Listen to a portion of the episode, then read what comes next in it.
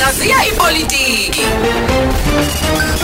Hlaziya ipolitiki. E- e- engicabanga ukuthi uzokwazi ukuthi usinikeze sona usikhanyisele usibeke kahle sithombeni sithi ngeshwa abohlanga isabehluli ipolitiki yokhetho yikho ukhetho lungabasebenzeli lungakabasebenzeli ingabe mhlawumbe uqonda ukuthini ngalokho asiqale ngedadewethu samukele ukuthi kumqoko ukuthi njengabavoti njalo emva kweminyaka emihlanu sikwazi ukubuyekeza isinqumo esabe sisithathile ngabaholi namaqembu athize. Ngiyagqugquzela ukuthi lokho singayiki ukwenza mm usuku eyihle yenze umsebenzi wokubuka lokuthiwa izethulo zokhetho ama manifesto amaqembu amahlanu. Kusuka nje eminyakeni eh eyishumi kuya kuyishumi nanhlanu edlule ngibuka ngalinye ngalinye ukuthi lalitheni kwenzakalani uma ngibuka lokho ngase ngibuka ukuthi namhlanje eningizimu Afrika dadewethu nabantu abafuna ukungenela ukhetho eh, abawu 78000 namhlanje 78000 kodwa iyikhundla noma abantu abadingekayo bawu 10400 akuthi ngithe 78000 kungenzeka kusekusasa sebe u80000 kodwa iyikhundla zimile zu 10400 kusho ukuthini ke lokho? Ngoba ngibuka lokho ukuthi babetheni bangaka abafisa ikhundla okokuqala ngifike embonweni othi ngeshwa lethu ngoba asikwazi ukufunda lokuthiwa imanifesto thina bohlanga. Asikwazi futhi ukwelusa lokuthiwa imanifesto ngamafuphi uyafika umuntu ukuthange kithi athi uzosenzela lokho singakulandeli lokho abuye izolo athi hayi usezenzela lokho singabuki ukuthi ubetheni kuthanga usebuyile futhi namhlanje usethi uzosenzela okunye. Asikwazi nokumbuza ukuthi awukuthani eh umuntu wasekuthini wawuthe? Eh kutha izolo umuntu wasekuthini wawuthe? Namhlanje uthi ngoba ikhono lethu noma imiqondo yethu ayikakulungeli eh ngenxa yokuthanda amaqembu ethu ukubuza nokwelusa ukuthi ungani wena wawuthe ekuqaleni. Laba bezinye izizwe kungamaNdiya nabelungu bayakwazi ukwenza lokho. Ingakho nosopolitiki labe sibathandayo bethu uma bezokhuluma nathi bobalalela nje kule nsuku. Ngisho beze emsakazweni ngisho bekhuluma emaphephandabeni bakhuluma nje baphendula indaba zasematshwaleni bengenamsebenzi mhozo nje. Kodwa uma beya kulezi izwe bakhuluma into ebambekayo ngamafuphi njengoba sibonela uma befike kuwena lapha emakhaya lapha elokushini uthi ungenagesi bathi hayi ugesi usuzoza bazokhuluma nabantu bakwagesi. Uma ngathi labantu bebengakhuluma nganabantu bagesi kuthanga kodwa uma beya lapha kobelungu bathi ngolesithathu oluzayo lesi sikhalo senu siyobe sesilungisekile. Ngamafuphi ngisho abaholi bethu sebeyasazi ukuthi asibakwazi ukwelusa imanifesto asikwazi ukwelusa izinkulumo zabo. Ingakho thina bohlanga ukhetho okwamanje lungeke lusebenzele ngoba kanti ngokuthi sazi ukuthi babetheni bathini manje bahlilwe yini ngeke sikwazi ukubabamba. Okwesibili inkinga ekhona asibuzi. Uyabona nje njengoba befika nje akekho babuza ukuthi bebeyiphi. Uze umuntu ozalelwe lapha endaweni yangakini ngoba nje usewumholi eh usifundazwe umese umese buzwa beindaba umzo sekhuluma intimbo thuqobo lo ayathi hawu bengazi ukuthi abantu bakubo ngathi eqona legama isinikwa lona ke thina bonke embuzana kuthiwa singabantu bakubo bathi umuntu hawa people athi bengazi ukuthi our people kanti uhlupheka kanje. Umbuzo ukuthi lo muntu kanti uhlala laphi ngoba unina uhlala khona lapha ekhuluma ushuthi akezini kunina azobona ukuthi eh lapha lomgaqo udabukile lapha kuqhaqhaza amanzi ngamafuphi thina iphutha lingakithi singabasukela amandiya nabelungu ukuthi yini bona benzela izinto. Ingoba bona bayakwazi ukufunda nokwelusa imanifesto ingakho nabaholi bethu bebahlonipha. Okugcina sengiphethe inkinga ekhona ngithe namhlanje ikhundla ngeke ishintshe. 10400 abantu abafuna ukuthi babe amakhansela kuzwe lonke kodwa abantu abafaka izicelo bawu 78000 namhlanje manje. Lento ikutshena ukuthini? Ikutshena ukuthi wena ngakini unomuntu ovuka namhlanje usethi usefuna ukuba yikhansela kodwa akazi akukhulumele ngalutho. Uma ngabe lo muntu bekuthanda ubethuyeleni yonke leminyaka uhlupheka walinda ukuthi ungahlupheki mhla kuphethe yena. Umholi lona umholi umuntu othi cha bayosizakala mhla kukhona mina engakazenze lutho. Ngoba bonke labantu mase beke bakhethwa lo 10400 lizokhethwa kusele iningi labantu okuchaza ukuthini lokho? Unabantu abangenalo iqiniso akade bekubuka uhlupheka namhlanje sebethi ngoba sekusekuyaqashwa sebengakusiza babuzeke ukuthi bewuthuleleni sonke lesikhathi yini inkinga yami? Bekuyini inkinga yethu? Yini ucabanga ukuthi uzoyilungisa manje? Lowo mbuzo umqoka. Okwesibili lento iveza ukuthi sisenkingeni eningizimu Afrika ama abantu abasebenzi sebebona ukuthi bazocosha amaphalishi ngalento ngoba ungangitshela nje ukuthi 778,000 kweyicelo zabakhansela kodwa ikhundla so 10400 ukuchaza ukuthi bancane abazele ukuzosilekelela baningi abazele ukuzoqasha ngoba ukhansela sekuwumpheme wendlala.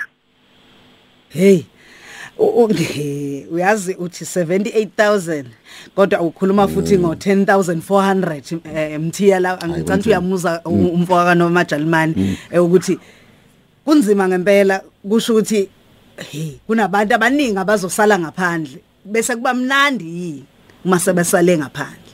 Hey cha nangi nomhlaziyo izimele lapha emfaka nomajalulani uthi kungani pho amaqembu emaningi kangaka ke kuleli ke nje eh kwelakithi eh ingabe mhlambe sikuphi isidingo salenqwabe engaka? Angithi umthetho sisekelo uyavuma ukuthi nawe ungavuka nje kuseni kufana nomkhuhlane lalo ungenakho uvuka usunakho ungalala ungafuni uba usopolitiki uvuka ufuna uba usopolitiki. Umkhuhlane. Eh uvuka nje umuntu ekuseni unelungelo ukuthi ayothi nje use umroza party avuke no no no nombatha ngakusasa athi useyimbatha party abanqatshelwe abantu. Abantu okufuneka bangadeleleki yithi. Mm ngamafuthi our people. Our people kufuneka azi ukuthi la mahala njonjo asefuna ukucosha nje amavenge ngathi ngoba uma wabheka yiyo ngithi nginika isikhathi nawe ngiyacela lapha ekhaya ukwenze lokho. Sizokulekelela futhi kusuka ngolesine uma uzonginika ithuba dadewethu ngizomemezela ukuthi ngalekelela kanjani abantu bakithi eh nje bahlale kusho sopolitiki bayifunde le politiki engithi politiki yokhetho ngoba ifuna lento wazi ukuthi laba sebevuka ekuseni bethi bazokusiza. Ngoba ngisho uma ngabe ngempela ngempela abantu abantu abaphilayo lo 70000 okusho ukuthi sinabaholi abawu 78000 ababona ukuthi bona banamava sihlupheka kanjani pho bekhona amafuphi umuntu ofuneka ngabi eh umuntu lapho ongenawo umqondo yithi yini nawe? Musukudlala abantu. Athi umuntu kade ekubona ukuthi niyahlupheka endaweni. Athi mesevuka nje athi mase kuyena kuzoba ngco engakasho ukuthi kuthango bebanjwe yini njengoba abanye ke uthi uma sebenqatshwa amaqembu abo bagadeke la.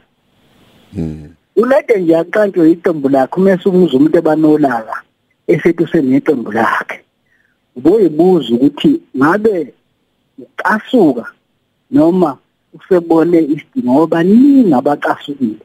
Baningi asebebona ukuthi nebasayithola imisebenzi bese bevuka nje kuseni njengoba ngisho nje ngathi umkhuhlane into lalo ungenawo uvusa una avuke ekuseni sethi useyimele. Uyimele kuma kwenze njani? Ngoba le gama lokuthi kuthiwa umuntu umhlaziyo oyimele noma ikhansela iyimele ubolibuza ukuthi liyimele uma kwenze njani? uyini into ekuthiwa yimele? Uyimele uma kuleyo inkinga zethu iziphi eziyimele engalungiswa umuntu oyimele? Iziphi ezeqembu? Ngoba imibuzo le ngithi amandiya. Nabelungu bayibuza yikho behlonipheka mina our people kuthiwa ugesi kade ungekho izolo. Kufike umuntu namhlanje athi hawu uyeza ngesonto leza umbuzo ukuthi kanti sicishelwe nje nguwe ngoba nako usukwazi uvulwaphi wazi ibhathini ozolipressa futhi usuwazi nokuthi thangi ubungekho uzoba hawu cha wena ke umuntu okusile obusihlinzele ibini asiyibuze leyo mbuzo ngoba bayasaza abaholi bethu ukuthi asibona abantu bokubuza. Singabantu nje eh inkothanqobo okhangezile eh abanikwa leyo nkulumo esiqhama sesikhathi. Kodwa ke naso sicazululo usuka ngolesine ku Facebook page yebayede eh kusasa abantu bangayithola ukuthi bazobhalisa abanye. So qala yifundo zamahala zokuthi ipolitiki yokhetho njalo ngo12 emini kuzokuba past 1 sixoxe ngale zinto nokuthi leya manifesto ayelaqembu lakho ithandayo ngisho ngasho nawe ukuthi lithi iqembu laselibuka sizokubukela lona ukuthi ngempela ngempela eh lisho ukuthini ngoba khona siyisingisi nje ubona kade ngibuka nje abanye ngoda hawu isingisi singekho ke lesinto zasematshwaleni iqobo lwazo kodwa abanye abantu kufuneka sibabize yilaba sebephuma ngoba kunabantu lapha abagila imkhuba mthiya nawe dadewethu. Athi umuntu konakele namhlanje sibuka sonke. Aphinde abe nesibindi sokubhala athi mvotele angabusasho ukuthi uthi uvotela ukuqhubeka yini nale nale nale nale icongo asifake kuso. Noma khona okunye azokwenza. Nawe futhi umvotele. Ngamafuphi sithi bonke kulolu hlelo silishoyo abeze laba kade beyimakhansela abeze imkhandi liziki zosho isiyenzeni kule minyaka emihlanu khona solekelela abantu baqonde ukuthi uma ngabe kunenkinga inkinga ingoba ila nalana la yiko ngakwazi kanzi ukwenza kodwa sengizokwazi ukwenza kuya phambili ngoba lento lelisiko lokuthi abantu bangasho ukuthi bekonakele futhi avuke nje umuntu wena wabona ibhodo lesizulu yabona uma kuhlatiwe ufaka inhloko ufaka amanqini ufaka idombo lebhodo nelilodwa lemkhuba esenziwayo nake osopolitiki basenza eh amabhodo lawo imilenze emithathu yesintu bafaka yonke into okuthina bengakaze bafiyakaze nje umntathu kusiyakayakaze. Asitshele ukuthi ufuna yini. Ake nisiyakazeni baholi bethu ngoba uma ningasiyakazi siyovotela imihlobo. Bababteka sibambe ngoba isikhathi sinje siyaphoqa. Kodwa yakudinga kusele ngiyazi ukuthi uzobe iqhubeka ke la kwinkundla zokuxhumana njengoba usho nangolesine namhlanje njena lolu lolu daba singakhuluma ngalo ngiyazi nokhozi nayo linayo podcast kodwa namhlanje singaxoxa lapha enkundleni zokuxhumana eh bayede news ku Facebook nokuthi bayede news noma ku Twitter yami lapha enhlanhla mdaka kodwa ngolesine sinohlelo oluzoba ihora nemizwa ngamashumi amathathu.